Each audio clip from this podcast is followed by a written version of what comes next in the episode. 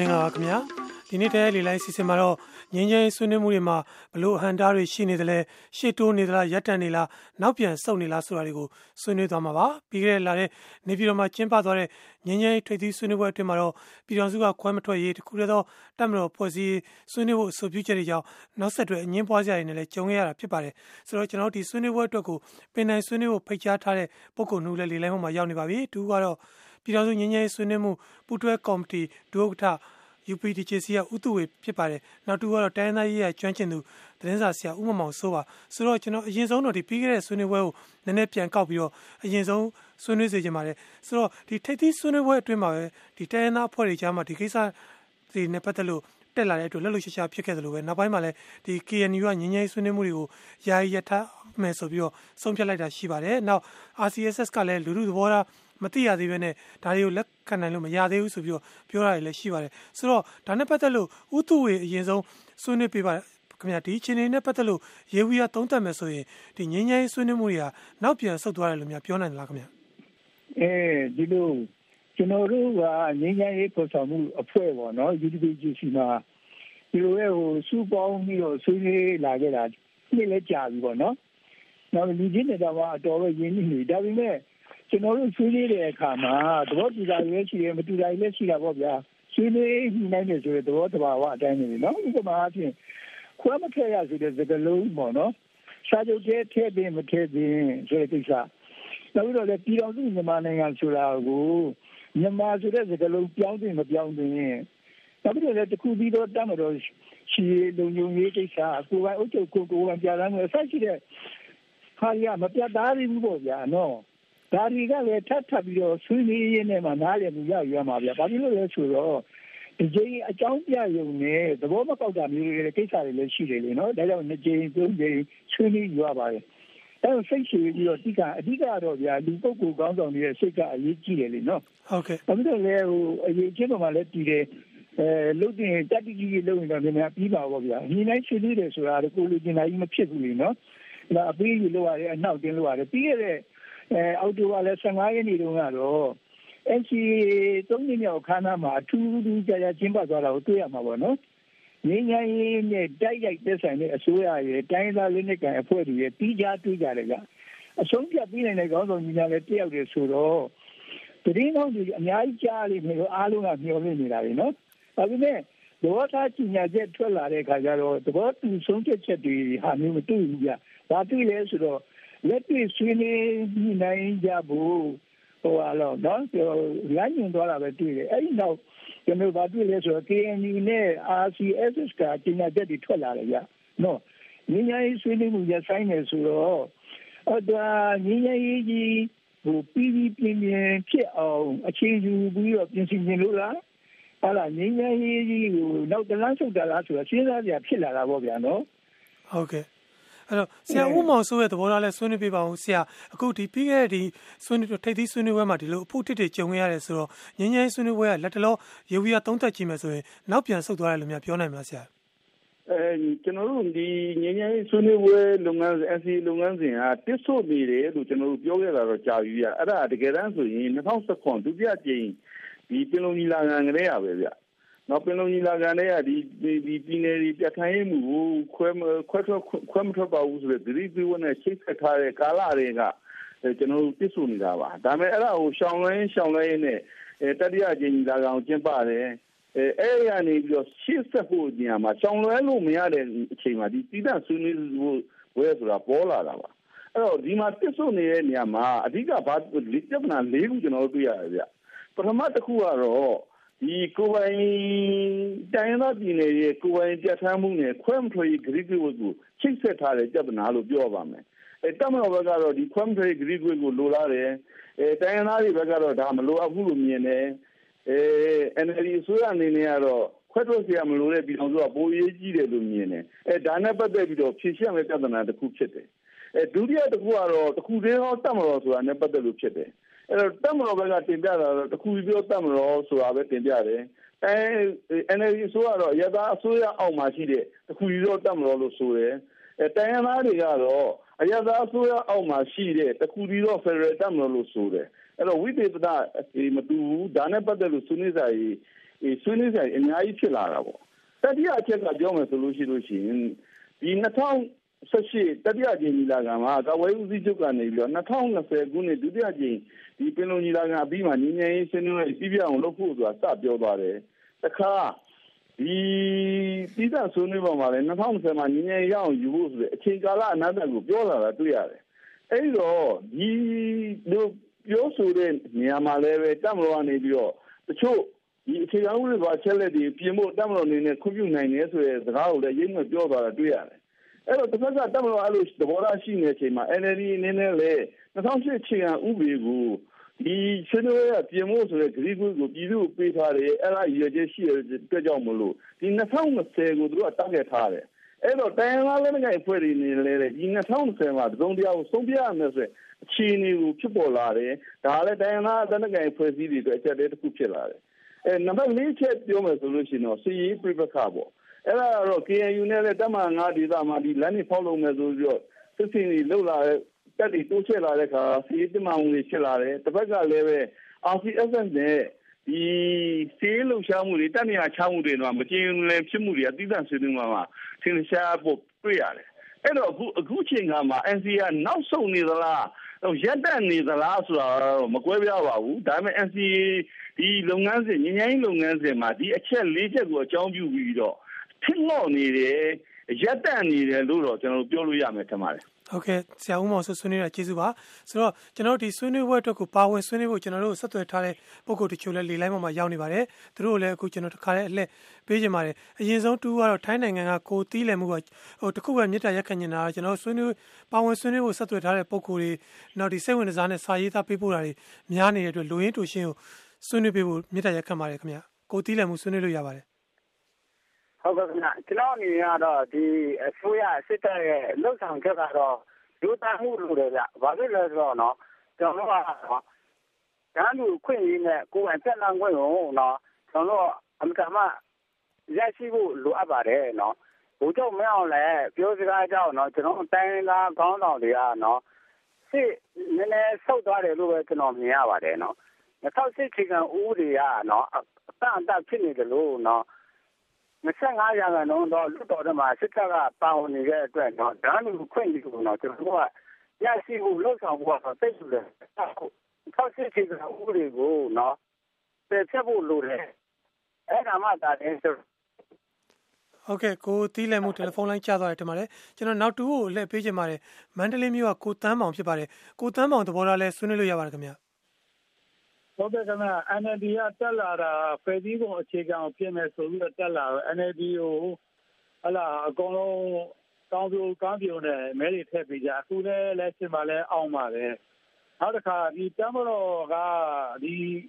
အုတ်ချုပ်ရေးအောင်အောင်မှာပဲရှိရမှာတမလားအောင်မှာပဲရှိရမှာအဲ့လိုမဟုတ်ဘူးသူကတိကျပဲနေမယ်ဆိုရင်ဒီတိုင်းမှာရှိတဲ့ဒီဘာနာအခွန်တွေကိုတမတော်ဟို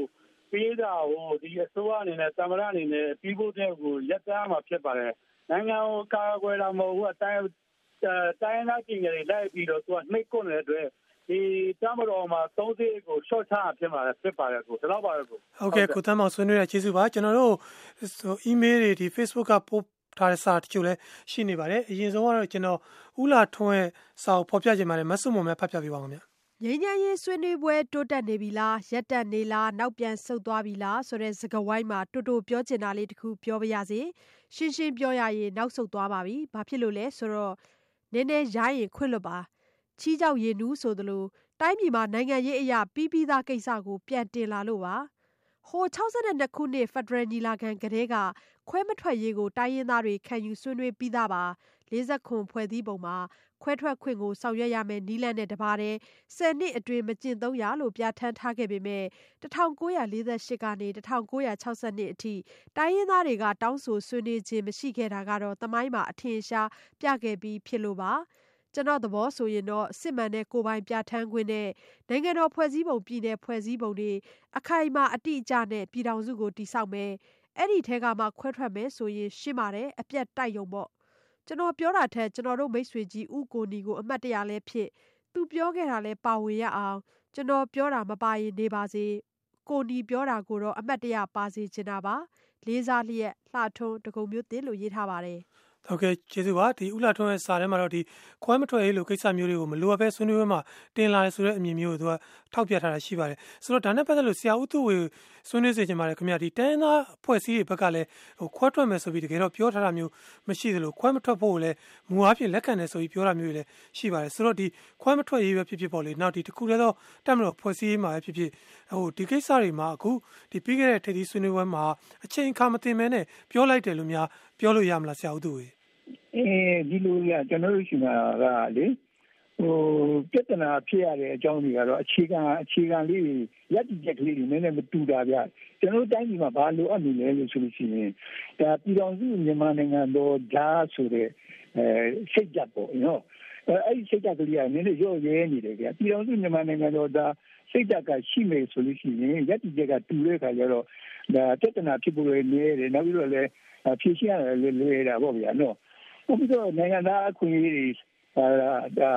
ဒီဒီဒီဟိုရည်ရည်တူလို့ရှိရင်နိုင်ငံသားအခွင့်အရေးတွေလည်းတန်းတူမှုမှုရမှာပေါ့လေနော်နိုင်ငံသားတိုင်းလည်းသမဏဖြစ်နေတာပေါ့ဗျာတဲ့ကတ်တီဒီပြောလို့ရှိရင်နော်အဲ့တော့ဒီမှာဟိုတိုင်းပြည်မှာရှိနေတဲ့တရားဥပဒေကိုလေးစားဖို့လို့လိုတယ် အဲပေါ့နော်ကြည့်အဲတခုရှိတာတော့နိုင်ငံသားအခွင့်အရေးကတော့အားလုံးတူတယ်ဒါပေမဲ့နိုင်ငံသားတိုင်းမှာသူတို့ရဲ့လုပ်ငန်းကလည်းတစ်ဖက်ရှိတယ်ဗျနိုင်ငံသားအနေနဲ့တော့အားလုံးကဓာတ်တူရှိတယ်။သို့တော့ဥမာအပြင်ဆရာဝန်ဆိုလို့ရှိရင်သူကဆရာဝန်လုပ်ငန်းကလည်းရှိတယ်။ဆိုတော့နိုင်ငံသားဘက်ကတော့ဓာတ်တူတယ်။သို့ဆရာဝန်ဆိုတဲ့အတွက်ကြောင့်ဆရာဝန်ရဲ့တာဝန်ဆရာဝန်ရဲ့အဲဒါရပိုင်ကိုအခွင့်အရေးတွေကတော့သူရမှာပေါ့။သူကြီးလည်းမဲ့ဟာလာညာတုံးတယ်ဆိုလို့ရှိရင်လည်းကုံတွေရဲ့အခွင့်အရေးသူရမှာပေါ့နော်။ အဲလေသမားဆိုရင်လေသမားအခွင့်အရေးတွေတူရအဲ့ဒါကြတော့အဲ့ဒီအခွင့်အရေးကြတော့မတူကြဘူးလေအဲ့ဒါကိုတော့နားလေအဲ့ဒါကိုနားလေရှိရင်အဲဖြည့်ရှင်းရတာလွယ်တာပေါ့ဗျာနော်ဟိုဟိုဟိုဟိုလေးကြည့်တယ်ဟိုတငယ်ချင်းရှင်နေစိတ်ဆိုတာရှိနေတယ်အဲ့တော့ဟိုစိတ်ကပြောတယ်လေကောင်ဆင်းလို့ပါလေမင်းလည်းဒီကောင်ငါလည်းဒီကောင်ပဲအဲ့ဒီတော့ဟာမင်းရတဲ့မြငါလည်းရတင်တာပေါ့လို့သူကပြောဆင်းရတော့ဟုတ်တယ်ဒါပေမဲ့မင်းမင်းလည်းငါလုတ်တော့မင်းလည်းလုတ်နိုင်လို့ရှိရင် လုတ်ဖို့တော့လိုအပ်တာပေါ့လို့ပြောတယ်ဆိုလိုတာတော့ဗျာဟိုဟိုလူတယောက်နဲ့တယောက်ဒီကောင်နဲ့ဒီကောင်ဆိုအင်အားချင်းလည်းမတူဘူးလို့လိုအပ်တာချင်းလည်းမတူဘူးကြအဲ့ဒါကိုတော့နည်းနည်းညှိပြီးတော့လုပ်ရမှာလေနော်ဒီလိုလေးတော့သိရမှာပေါ့နော်ဟုတ်ကဲ့ဆိုတော့ဆရာဦးမောင်စိုးရဲ့သဘောထားလဲဆွေးနွေးစေချင်ပါတယ်ဆရာအခုဒီပြီးခဲ့တဲ့ဒီထိပ်သီးညီလာခံမှာတချို့ကမြင်တာဒီဒီကိုပေါ့လေကိုပြည်တော်စုကခွဲမထွက်ရေးတို့တခုတည်းတော့တက်မလို့ ဖွဲ့စည်းရေးတို့ကိစ္စတွေကအချိန်အခါမတန်မဲနဲ့တင်လာတဲ့ကိစ္စမျိုးတွေဆိုတဲ့အမြင်မျိုးတွေလည်းရှိနေပါတယ်ဒါနဲ့ပတ်သက်လို့ဦးမောင်စိုးရဲ့အမြင်ရောခင်ဗျခွဲမခွဲမခွဲအဲဖူးဆိုတဲ့ဂရုဂတိကိုတမတော်ကတောင်းတာတော့တမတော်ရဲ့စဉ်းစားချက်ကတော့ဒီတိုင်းသားလက်နက်ကိုင်ဖွဲ့စည်းတွေဟာစစချင်းတော့တိကျသမရနိုင်ငံထူထောင်ရေးဆိုတဲ့ကြွကြော်တံတွေတောင်းတင်းလာတဲ့အတွက်ဒီဟာကိုဥတည်ပြီးတော့တို့ဒီဟာဒီတမတော်ဘက်ကနေဒီဂတိကိုတောင်းလို့ရပါတယ် ဒါလက်တွေ့မှာတိုင်းသားလက်နက်ကိုင်ဖွဲ့တိုင်းဟာခွဲထွက်ရေးလည်းမပြောဘူးအဲဖေဗရမူဝါဒကိုကျင့်သုံးမယ်လို့ပဲအဲစိုးနေကြတဲ့အချိန်ဖြစ်သလိုခွဲထွက်ဖို့လက်တွေ့ရုပ်ခွင်လန်းလည်းမရှိပါဘူးအဲ့တော့ကျွန်တော်တူချင်းအမြင်ရပြောမယ်ဆိုလို့ရှိရင်ကျွန်တော်တို့ကအခု တန်လားတွေနဲ့လက်နက်ကင်တိုက်ပွဲရှော့ချဖို့ဆိုရင်ကျွန်တော်တို့ Federal Move ပေါင်းတွေကိုတန်လားပြည်နယ်တွေကိုဘယ်လိုပေးမလဲဆိုတဲ့ကိစ္စအရေးကြီးပါတယ်ဒီခွက်ထွက်ခွင့်မထွက်ခွင့်ဆိုတာအခုချိန်ကပြောနေဖို့လိုအပ်တဲ့ကိစ္စမဟုတ်ဘူးလို့ကျွန်တော်တူချင်းကတော့အဲ့လိုပဲမြင်ပါတယ်ဟုတ်ကဲ့ဆရာဦးမောင်ဆိုဆွေးနွေးတာကျေးဇူးပါကျွန်တော်ဆွေးနွေးပွဲအတွက်ကိုပါဝင်ဆွေးနွေးဖို့ကျွန်တော်တို့ဆက်သွယ်ထားတဲ့ပုံကိုယ်တွေလည်းလေလိုင်းပေါ်မှာရှိနေပါသေးတယ်တူကတော့ဟိုရခိုင်ပြည်နယ်မင်းပြဦးမောင်ကျော်စံဖြစ်ပါတယ်ဦးမောင်ကျော်စံသဘောထားလဲလူရင်းတူရှင်ဆွေးနွေးမင်းမြန်းလို့ရပါတယ်ခင်ဗျာ ကျွန်တော်ထင်ကိုပြောရရင်တော့ဒါဒီဒီကိစ္စဟာအခုပြောနေတဲ့အချိန်ခါမှာကျွန်တော်အမြင်ပြောရရင်တော့ဟိုအော်ဆွေးနွေးပွဲကနောက်ဆုံးသွားပြီလို့ကျွန်တော်ပြောချင်ပါတယ်။ဘာဖြစ်လို့ဆိုလို့ရှိရင်အခုကတည်းကအဖြေပေါ်နေပြီလို့ကျွန်တော်မြင်ပါတယ်။တမတော်ကတမျိုးအစိုးရကတမျိုးတိုင်းရင်းသားလက်နက်ကန်တွေကတမျိုးအခုကတည်းကသူတို့ဟိုဟာသဘောထားချင်းဘယ်လိုမှဆက်ဆက်လို့မရတဲ့သဘောထားချင်းမျိုးဖြစ်နေရပါတယ်။ ဒါကြောင့်ခုကတည်းကဒီဆွေးနွေးပွဲဟာဘယ်တော့မှဖြစ်မဲ့ဆွေးနွေးပွဲမဟုတ်ဘူးလို့ကျွန်တော်ကတော့အဲ့လိုသုံးသပ်ပါတယ်။2020မပြောနဲ့တော့ကဘာတက်တဲ့ဒီဆွေးနွေးပွဲဟာပြီးမှာမဟုတ်ဘူးလို့ကျွန်တော်မြင်ပါတယ်။ဒါလို့ဆိုလို့ရှိရင်အကုန်လုံးကအဖြေပေါ်နေပါပြီ။ကမ္ဘာကလည်းအစိုးရကိုအယုံကြည်မရှိဘူးအစိုးရကလည်းကမ္ဘာကိုအာမရဘူးတိုင်းရင်းသားလည်းနဲ့ကနေကလည်းအစိုးရကိုရောတက်မတော်ကိုရောအယုံကြည်မရှိဘူးဆိုတာအခုတည်းဟိုအဖြစ်ပေါ်နေပါပြီအဲ့ဒါပဲကျွန်တော်ပြောချင်ပါတယ် ဟဟုတ်ကဲ့ဦးမောင်ကျော်စံဆွေးနွေးတဲ့ကျေးဇူးပါကျွန်တော်တို့ဒီ Facebook မှာလည်းကိုတန်လွှင့်နေတဲ့အချိန်မှာပဲ Facebook စာမျက်နှာနေပြီးကျွန်တော်တို့မှတ်ချက်ပေးနေတာတချို့လည်းရှိပါတယ်တူကတော့ကြော်မိုးဆိုတဲ့အကောင့်ပိုင်ရှင်မှာသူကတော့စစ်တပ်ကောအဖွဲ့အစည်းတွေရောအာဏာကိုဘယ်သူမှလက်မလွတ်ချင်ကြဘူးတဲ့တိုင်းပြည်ပေါ်ဘယ်လဲနဲ့ကင်ဖွဲ့ရမှာစေနာရင်းငံနဲ့ငင်းချဲယူခြင်းစိတ်မရှိကြဘူးဘယ်တော့မှငင်းချဲရမှာမဟုတ်ဘူးဆိုပြီးသူကလည်းစောစောဦးမောင်ကျော်စံသဘောထားမျိုးပေါ့လေနည်းနည်းကိုမျောလင့်ချက်နည်းနည်းတိတ်ပထားတဲ့သဘောထားကိုတွေ့ရပါတယ်ကျွန်တော်ဒီဆွေးနွေးဝက်အတွက်ကိုပါဝင်ဆွေးနွေးဖို့ဆက်သွယ်ထားတဲ့နောက်တူလည်းလီလိုက်မှာရှိနေပါတယ်သူ့ကိုလည်းအလှည့်ပေးချင်ပါတယ်ကိုမင်းအောင်ဖြစ်ပါတယ်မြန်မာနိုင်ငံကပါကိုမင်းအောင်သဘောထားလဲဆွေးနွေးလို့ရပါတယ်ခင်ဗျာကျွန်တော်တို့မြန်မာမှာစကားပုံတစ်ခုရှိတယ်တစ်ခုကဒီပြန်ဖြစ်တယ်အဲတော့တရားကတော့နေလာအမျိုးမျိုးနဲ့အားမလို့ကလူလို့ကရောက်တောင်းဆိုပြီးကုကုရန်ကနိုင်ငံမှာရှိတဲ့ဆိုတာသူ့ရဲ့ဒီဆန့်ကျင်နေတဲ့နိုင်ငံရှိအဲ ဒီမိုကရေစီကျင့်သုံးတဲ့နိုင်ငံတွေဆိုတာစစ်တပ်ဟာအစိုးရရဲ့နေရာမှာပဲရှိကိုယ်ကတော့အစိုးရကိုဒီနေ့နေနဲ့အပြီးချရှိချ